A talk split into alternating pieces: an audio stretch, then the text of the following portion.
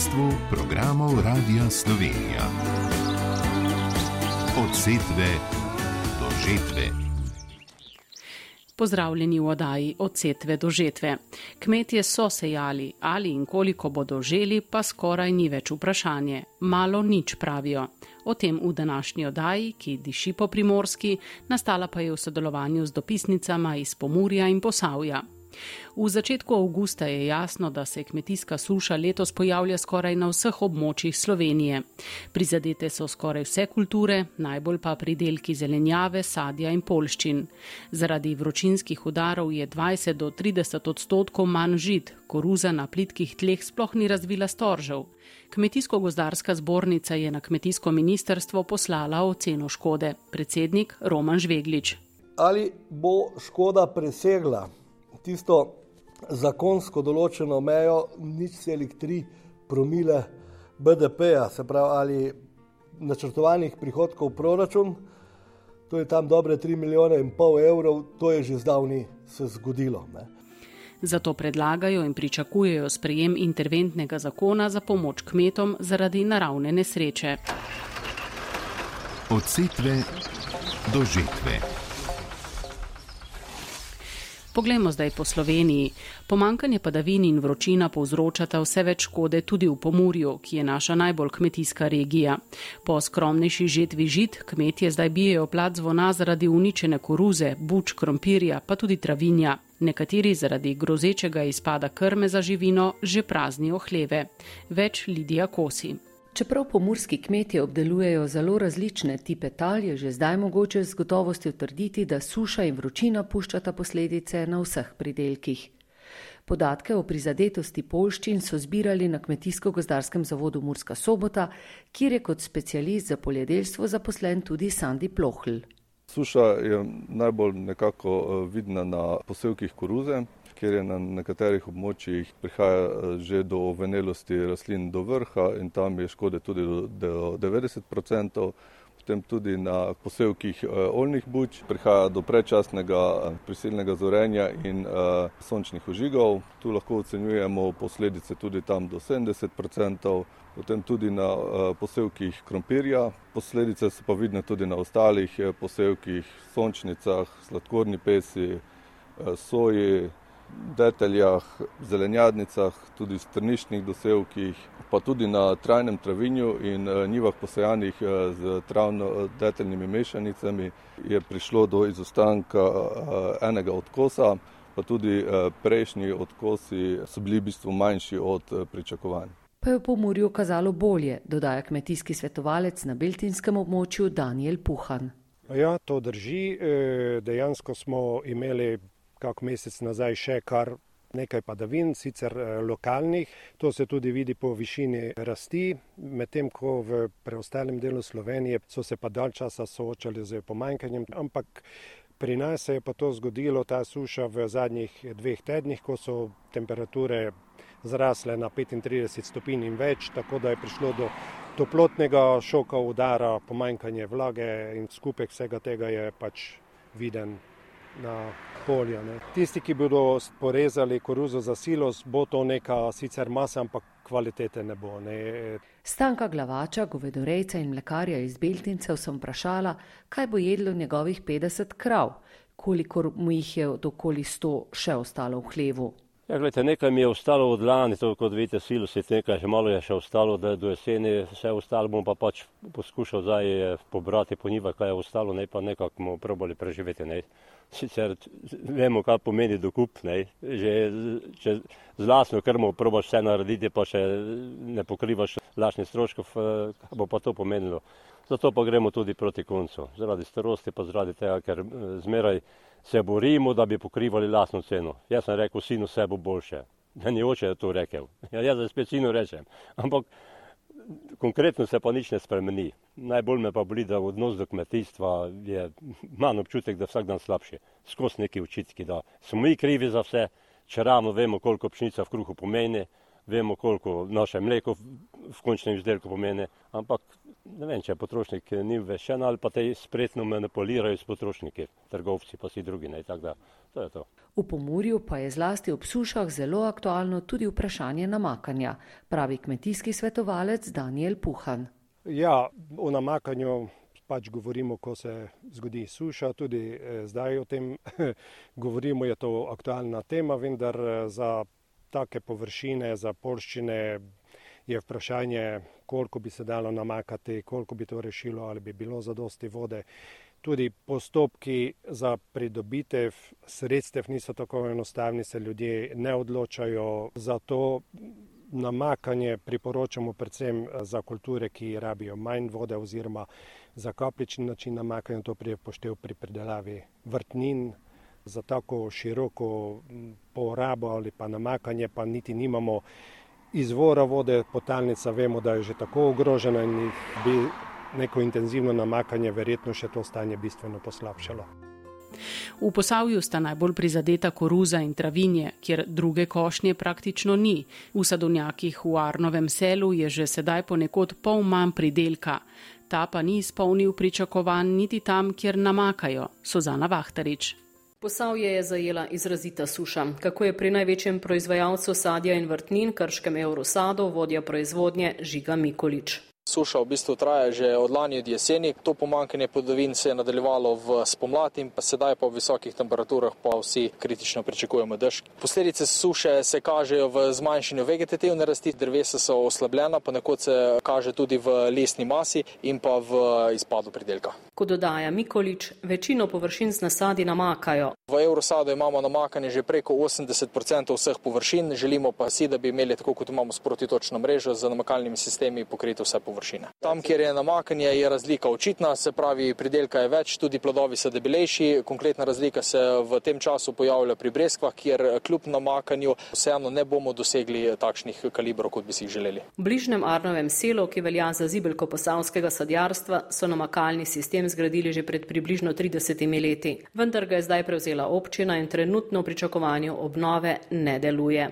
Sadjar Toni Koršič ima 7 hektarjev nasadov jablan, polovico nove sorte bonita, s katero naj bi ustvarili dodano vrednost. Vendar je letos pogled na nasade žalosten. Suša traja že dolgo, praktično je bila suha tudi že zima, v bistvu ni bilo dobenih padavin.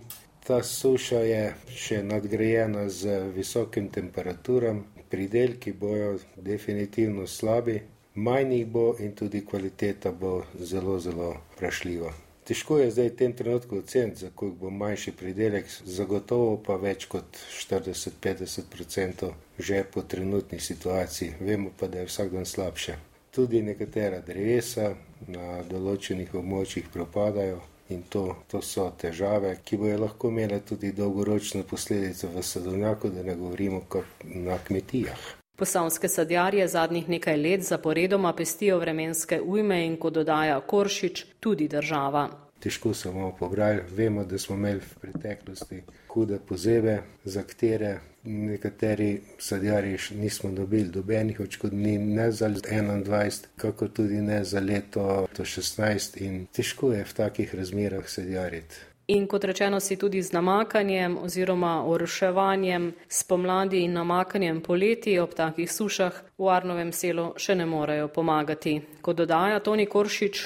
Namakalni sistemi, tu se srečujemo z zelo velikimi administrativnimi preprekami, tako da je te namakalne sisteme izredno težko usposobiti in jih pripraviti za eno racionalno namakanje smo imeli namakalni sistem, moram reči, da je bil to en prvih, če ne celo prvi namakalni sistem v Arnem selu, samo od tega je menilo že skoraj 30 let. Lahko rečemo, da je sistem praktično neuporaben. Že nekaj let se pripravljamo za rekonstrukcijo, vendar zaradi teh razno administrativnih uvir in preprek nikakor ne moremo začeti z rekonstrukcijo. V posavju je približno desetina vseh slovenskih namakalnih sistemov, kljub temu pa je tu že suša postila hud pečat. Direktor Kmetijsko-gozdarskega zavoda Novo mesto Damjan Vrtin. Na območju posavja imamo kar precej namakanih površin že sedaj v uporabi. Kar se tiče poljedelstva in vrtvarstva, je skupaj ocena, da okrog 300 hektarjev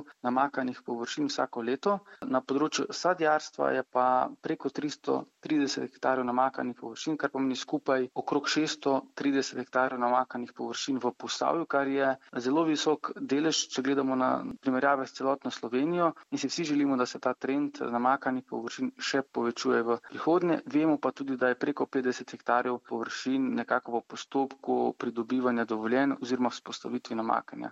Vendar, ko dodaja, je suša v posavju že izrazita. Po obsegu gledano je največ hektarjev, da jim reč tam okrog dobrih 12 tisoč hektarov trajnega travinja, ki je bilo prizadeto in eh, bo kakšen odkos ali pa celo dva manj in je tam ocena nekje eh, odvisno od območja od 20 do, do 30, dobrih 30 odstotkov.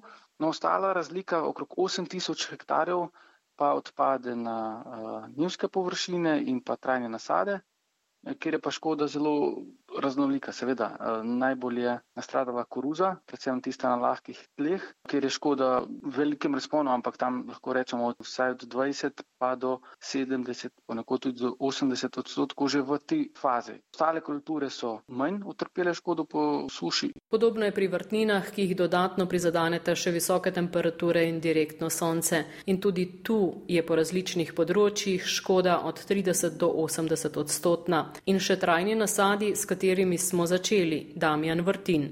Tudi tukaj moramo ločiti na vinograde, ki praviloma, razen tam, kjer gre za namizne sorte, niso namakani. Vidimo, da so ponekod vrta nekoliko uvela oziroma grozdje ni tako polno, ne, so drobnejše jagode, vendar če bi bil drž v nekem doglednem obdobju, mislim, da večjih izpadov ne bi bilo. Pri sadovnjakih, kjer so namakani, seveda tam je oskrba bila in če je bilo namakanje, nekih izpadov ni bilo, so lahko kvečemo kakšni užigi problem, če ni protitočne mreže. Kar se tiče potravniških sadovnjakov, tam pa letošnje leto leto kaže se, da spomladi bilno cvetenje, veliko predelka, vendar bo tudi veliko plodov odpadlo. Odstotki poškodovanosti so zelo različni glede na rabo in glede na lego parcel. Tudi na področju posavja so površine, ki so zelo prizadete in površine z isto kulturo, ki so manj prizadete. Dežja pa razen nekaj ploh ni. Prepoved zalivanja kmetijskih pridelkov iz vodovoda je močno prizadela pridelovalce zelenjave v Istri, drugi viri namakanja so že skoraj prazni. V olčnikih se pozna tako odpadanje plodov, kot to, da so ti manjši, kot bi za ta čas pričakovali. Za razliko od predhodnih ekstremno hudih sušnih let, ko so zimske ali spomladanske padavine napolnile zaloge vode v tleh, so olke letos v poletje vstopile s praznim talnim rezervoarjem, ki sta ga še dodatno obremenila dosedanja vročinska vala. Vse to se je kazalo pri deformiranih cvetovih, slabši oploditvi, nepravilnem razvoju plodov ter odpadanju olk, opažajo na Inštitutu za olkarstvo znanstveno-raziskovalnega središča. Jakob Fantinič. Ja, torej ta suša, ki letos traja že kar nekaj časa, se je najprej pokazala že takoj po cvetenju, ko so te eh, plodovi začeli se sušiti, kasneje tudi potem odpadati, to še vedno na nekaterih lokacijah traja. Zdaj, če mi pa primerjamo tiste plodove, ki so namakani, namakani s tistimi, ki pa niso namakani, pa opažamo, da so te plodovi, ki niso namakani, manjši tudi uh, jih je manj na uh, drevesih uh, in zdaj uh, smo bili v tej kritični fazi, ko so olke potrebovali največ vode za razvoj, ker so se celice v plodovih uh, hitro delile, so, uh, celice so se večale. To pomankanje bo se verjetno tudi poznalo kasneje.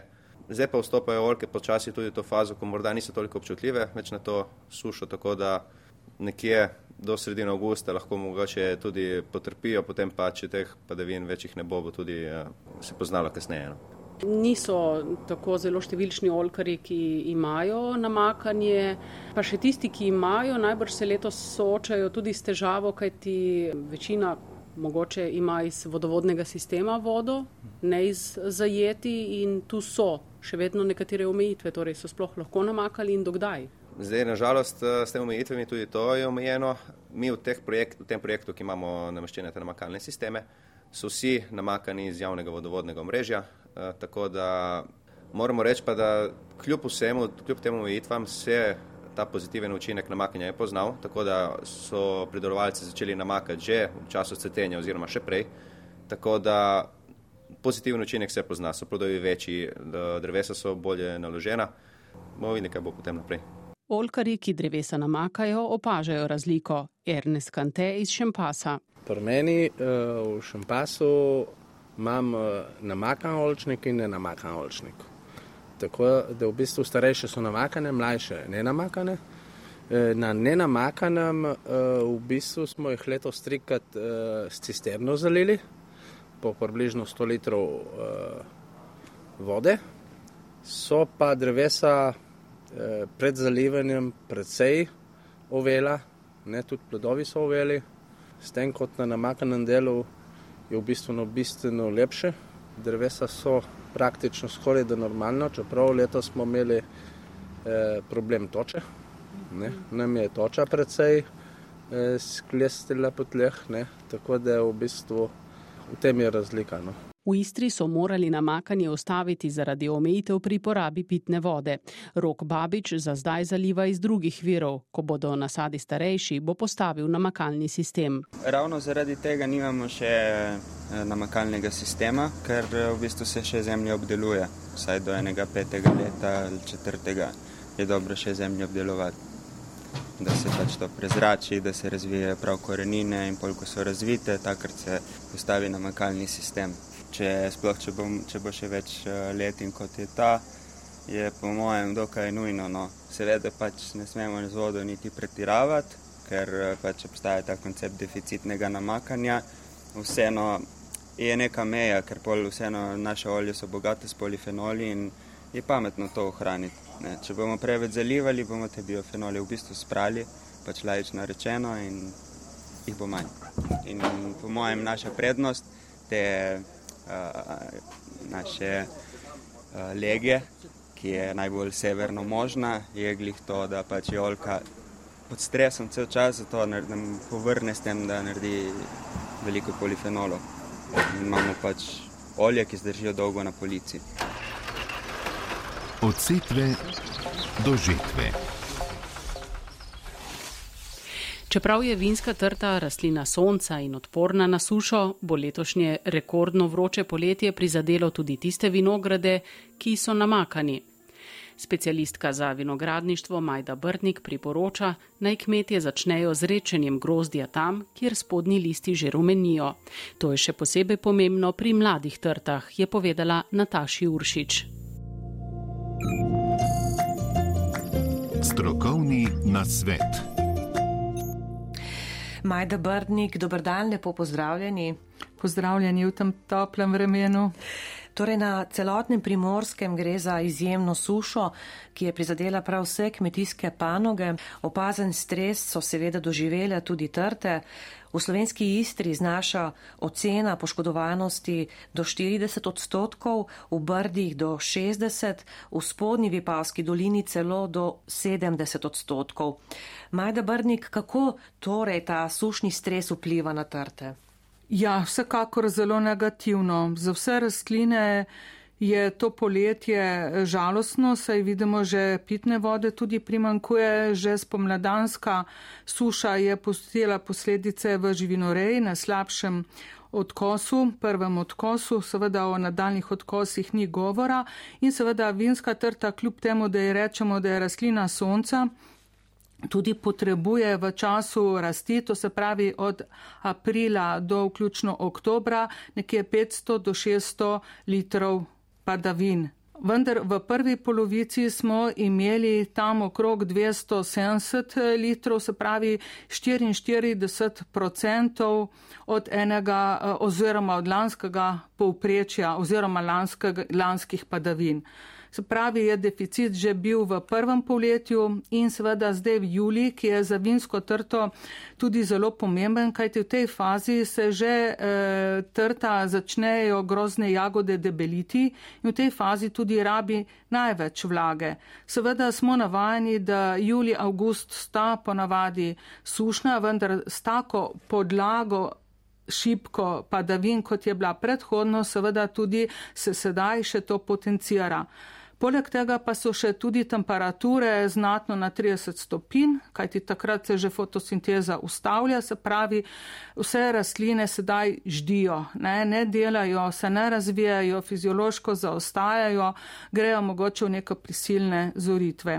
Seveda, nekaj ukrepov je takih tehnoloških, kjer si lahko človek pomaga, vendar, kadar odmanjka vsega, je pa nekje težko. No, nekaj je namakanje, kaj pa rečenje grozdja v tem suhem obdobju. Tako je. Zdaj, kot sem rekla, osnovno pravilo oziroma re reševanje te suše je uh, nižanje pridelka potrti, da vsaj tisto, kar je, bo vzdržalo. Uh, seveda tudi kakšne padavine, če bi eventualno prišle v krajšem času, bi bile zelo dobrodošle in bi se marsikje trte opomogle. Seveda ne bom rekla, da je v tem obdobju oziroma trenutno že prav velika kriza, kajti trta smo rekli je rastlina sonca, vendar uh, zalog ni in uh, vse to nakazuje, kot sem razumela tudi po 15. avgustu, še ni napovedanih padavin, uh, tudi znatno nižanje pridelka. V kmetijski zbornici povdarjajo, da bo v prihodnje treba uporabiti vse možne vire za namakanje, kar pomeni urediti dovoljenja za zadrževalnike vode tudi na manjših vodotokih. A kaj, ko je resnica taka? O namakanju in v teh strategijah se vsaki suši pogovarjamo. No? Potem naslednje leto pa ne več suše, pa postopki in vse te, bom rekel, birokratski zapleti, ki jih ugotovimo in za katere vemo, da so pri namakanju, se seveda na njih pozabi. Ob koncu omenimo še, da je Evropska unija objavila smirnice o varni ponovni uporabi očiščene komunalne odpadne vode v kmetijstvu. Ponovna uporaba vode je eden od vse pomembnejših načinov soočanja s pomankanjem vode in vse pogostejšimi sušami. Nova naloga in priložnost, da ne bo potoči in suši zvoniti prepozno.